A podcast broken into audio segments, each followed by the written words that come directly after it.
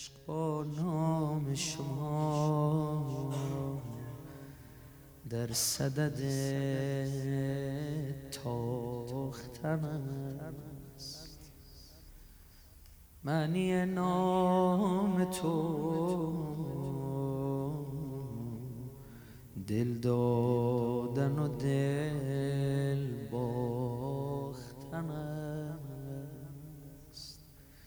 امام زمان عزیزتر از جان. قیمت دوستی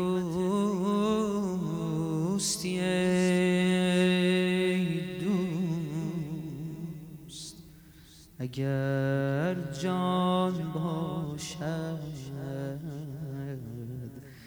این خریدار تو آماده پرداختن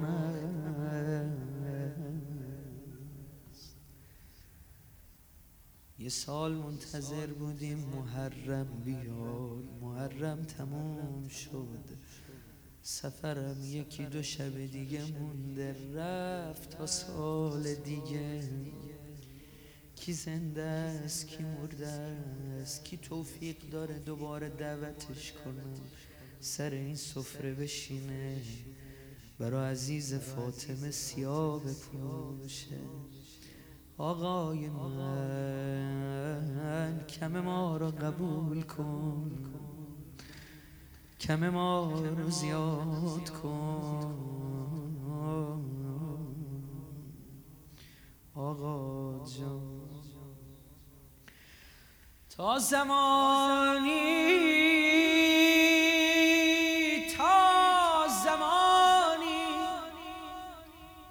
که نیابیم تو را. کار جهان سنگ در برکه بیهودگی انداختن است. آقا جان حالا که یه بیتشم بشناسیم و نبینیم تو را. حرفی نیست. می‌تونی با منم بخونی. بشناسیم و نبینیم تو را. حرفی نیست. همه غصه ما. دیدن و نشناختن است. آقا جانم آقا. از غم یار بسوزیم و بسازیم.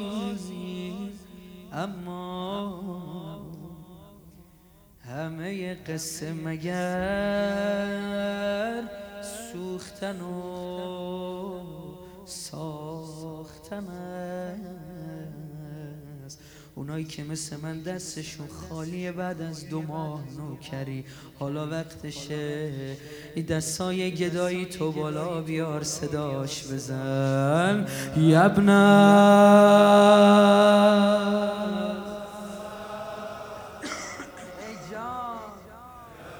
بذار این تنور دلت گرم بشه. یبنا الحسن.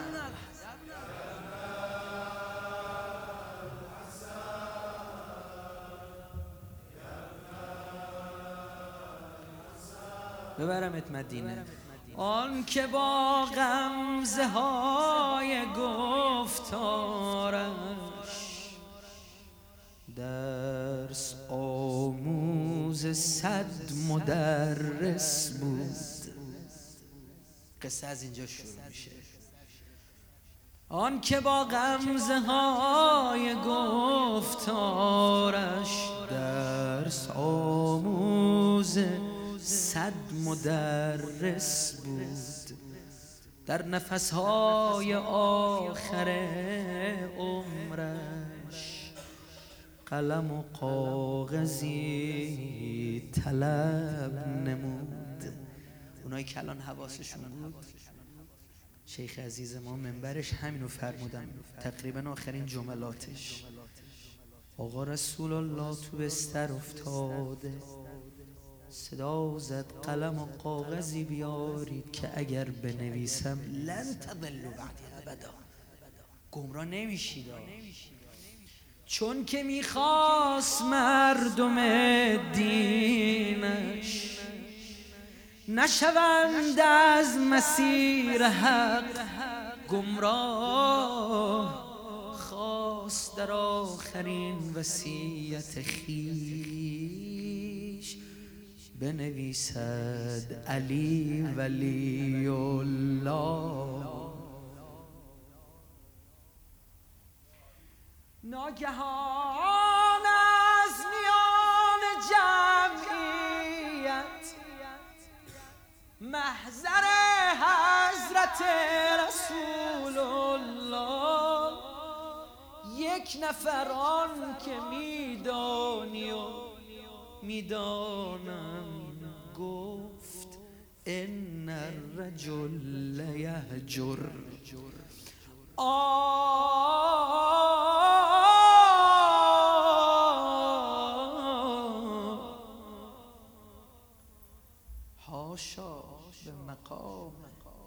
اسمت نبوت هاشا زبانم لال.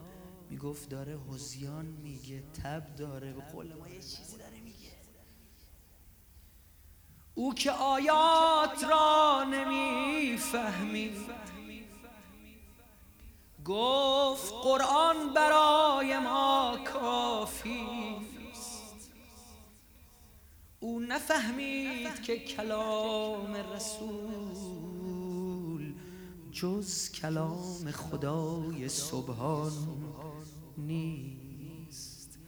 آن رسولی که گفت ای مردم چقدر غصه رو دل پیغمبر نشست تا این بیادبی رو کرد. چقدر فاطمه گریه کرد تا شنید. چقدر بغز تو گلوی امیر المومنین نشست.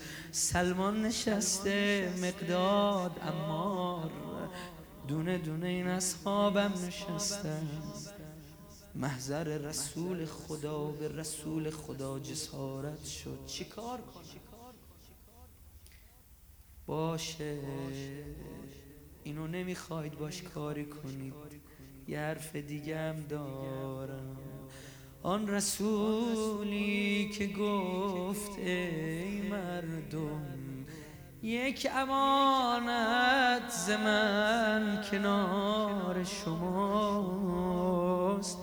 اجر پیغمبری من تنها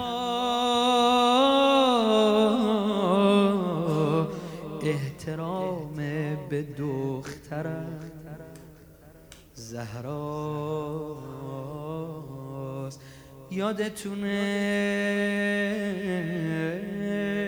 تو این چند ماه هر باری از خونه فاطمه رد می شدم خم می شدم دست ادب رو سینه میذاشتم. سلام می‌دادم سلام بلندی که همه بشنون. السلام علیکم یا اهل بیت النبوت. حسودیشون می‌شد. چرا فقط این خونه؟ گفت من این امر رو به امر خداست که دارم انجام میدم. خدا فرموده این خونه احترام داره. خدا فرموده اینا احترام واجبم. خدا فرموده من پیغمبر خم بشم. خدا فرموده من پیغمبر اجازه بگیرم. در خونه رو محترمانه بزنم. رخصت بگیرم. اگه فاطمه گفت بیا برم. اگه جوابی نشنیدم برگردم. آیب جان بعضی هم ماشالله زرنگن. آن رسولی که گفت ای مردم. یک امانت ز من کنار شماست. اجر پیغمبری من تنها. احترام به دخترم زهراست. چند روزی گذشت مردی که بر نبی بس تهمت هزیان او که قرآن برای او بس بود. بی مقدمه ببخشند سادات. حمله ور شد به کوسر قرآن. کوچه آماده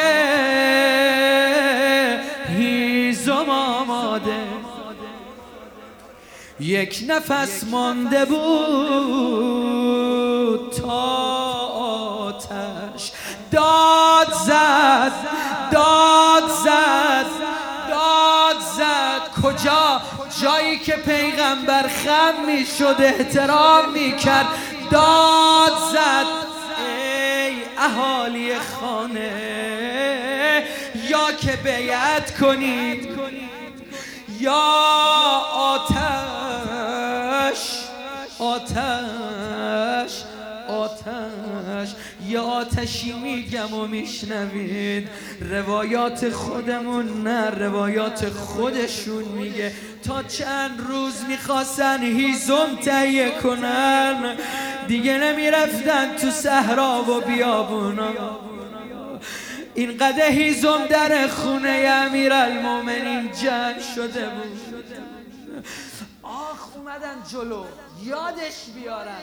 همه گفتن فاطمه آنجاست. گفت فزه حسن علی یا او.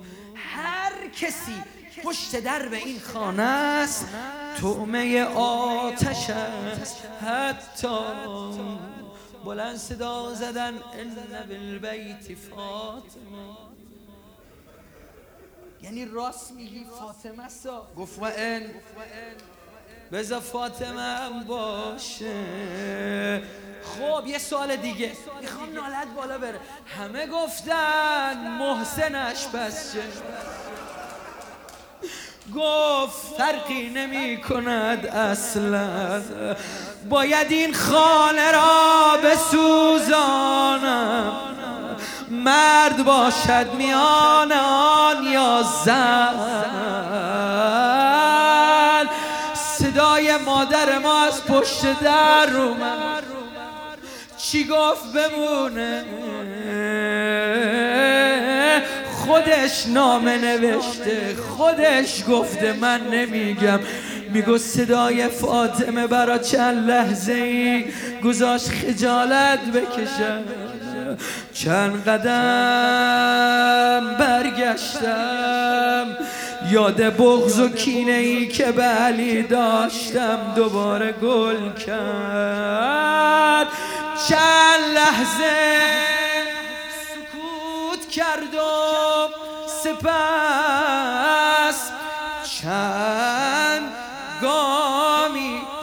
قدمی سوی عقب برگشت.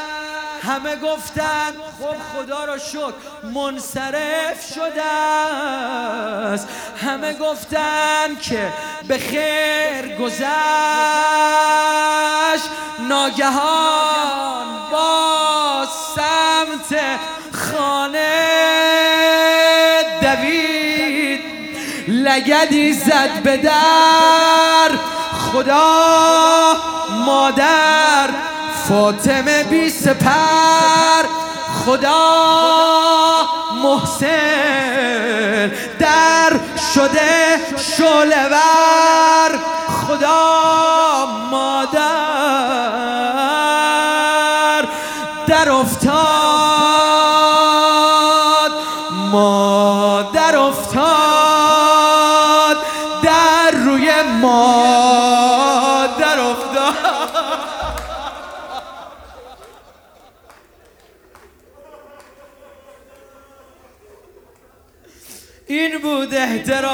پیغمبر.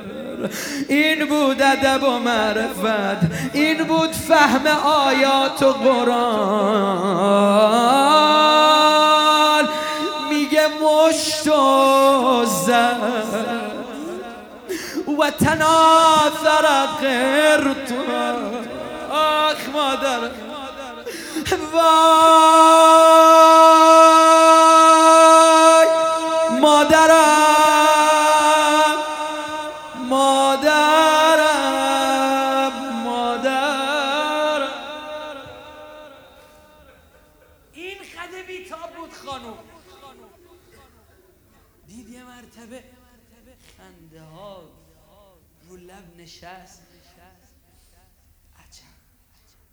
تو که بابا تو داری از دست میدی؟ پیغمبر خانم جان. چی داره گوشت گفتی؟ چی بهت گفت یه مرتبه بغض و گریه ها مبدل شدن به لبخند زدن؟ همین روزه من رفقا بیا با پیغمبر گریه کنی پیغمبرم گریه کرده ها صدا زد می‌دونی علی جان بابام چی بهم گفت؟ صدا زد اولین کسی هستی که پیشم میاد. یعنی علی من زود میرم زود میرم زود میرم زود میرم. نمی‌دونم من استنتاجم اینه ببخشن علما بزرگترا بیادبی می‌کنم. می‌خوام همینو بگم ولا زالت بعد بیها باکیت روز و شب گریه می‌کرد. اگه به خدا کاریم باش نمی‌کردن نمیموند میمرد از این غم. اما یه کاری کردن زودتر فاطمه از دنیا بره. یه کاری با مادر جوون ما کردن دیگه خمیده خمیده راه میره. یه کاری کردن می‌خواست از جا بلند دست به دیوار می‌گرفت. یه کاری کردن تو خونه از علی رو می‌گرفت. یه کاری کردن خونه پهلو که میومد سری چادر رو بزنه بچه ها نبینن. آه. هاشو که شنیدن. گریه هاشو که شنیدن. زخماشو ندیدن بمونه. همه یه روزه من همینه ها یه دقیقه. فقط همینو می‌خوام بگم. بعد از هزار و سال شب شادت پیغمبره هنوز بعضیا میگن وفات. عزیز من اشتباه می‌کنی. پیغمبرم کشتنش. زهر دادن پیغمبر ما رو کشتن. اما روزه اینه. بعد از این همه سال دلمون تنگ میشه. مدینه رو گنبد خزرا عرض ارادت می‌کنیم آخ مگه ما دل نداریم؟ مگه ما حق نداریم بفهمیم قبر مادرمون کجاست؟ وسیعت کرده علی. بزا سیلی بزنن.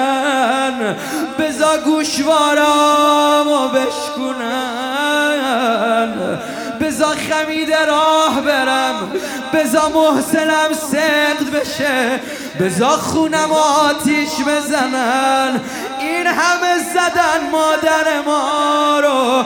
گفت من رسواشون می‌کنم. برید ازشون بپرسید قبر فاطمه کجاست. اگه یه نفر تونست جواب بده. خانم جان ببخش من اینجوری بیادبی می‌کنم. خانم جان شب شادت و لال می‌شدم. مثلا اگر الانم قبرت بود می اومدیم مگه میذاشتن برات گریه کنیم؟ مگه میذاشتن سیایی برات بزنیم؟ یه سری بریم شب شادت امام حسن بریم بقی آی جا شما خالی امشب بقی براش گریه کنید. خانوم لحظات آخر پیغمبر گریات مبدل شد به لبخند. اما بمیرم برا دل زینب. تشت و نگاه نکرد. نذاشتن تشت و ببینه مرات دلش گردن برا شما اما آقامون امیر المومنین پیراهن رسول الله رو قایم کرد. الله اکبر. گفت فاطمه یه پیراهن ببینه غش می‌کنه میمیره. لایم که یومی که یا عبدالله. مدینه نذاشتن پیراهن رو ببینی. نذاشتن زینب تم تشت پر از خون امام حسن رو ببینه. آی کربلایی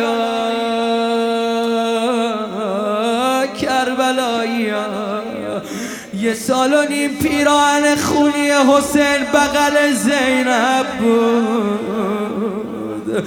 لحظه های آخر عبدالله میگه لابلای کفن و دیدم پیران پاره و خونی حسین. صدا می‌زد خانوم بزای پیران رو سینم بمونه. حسین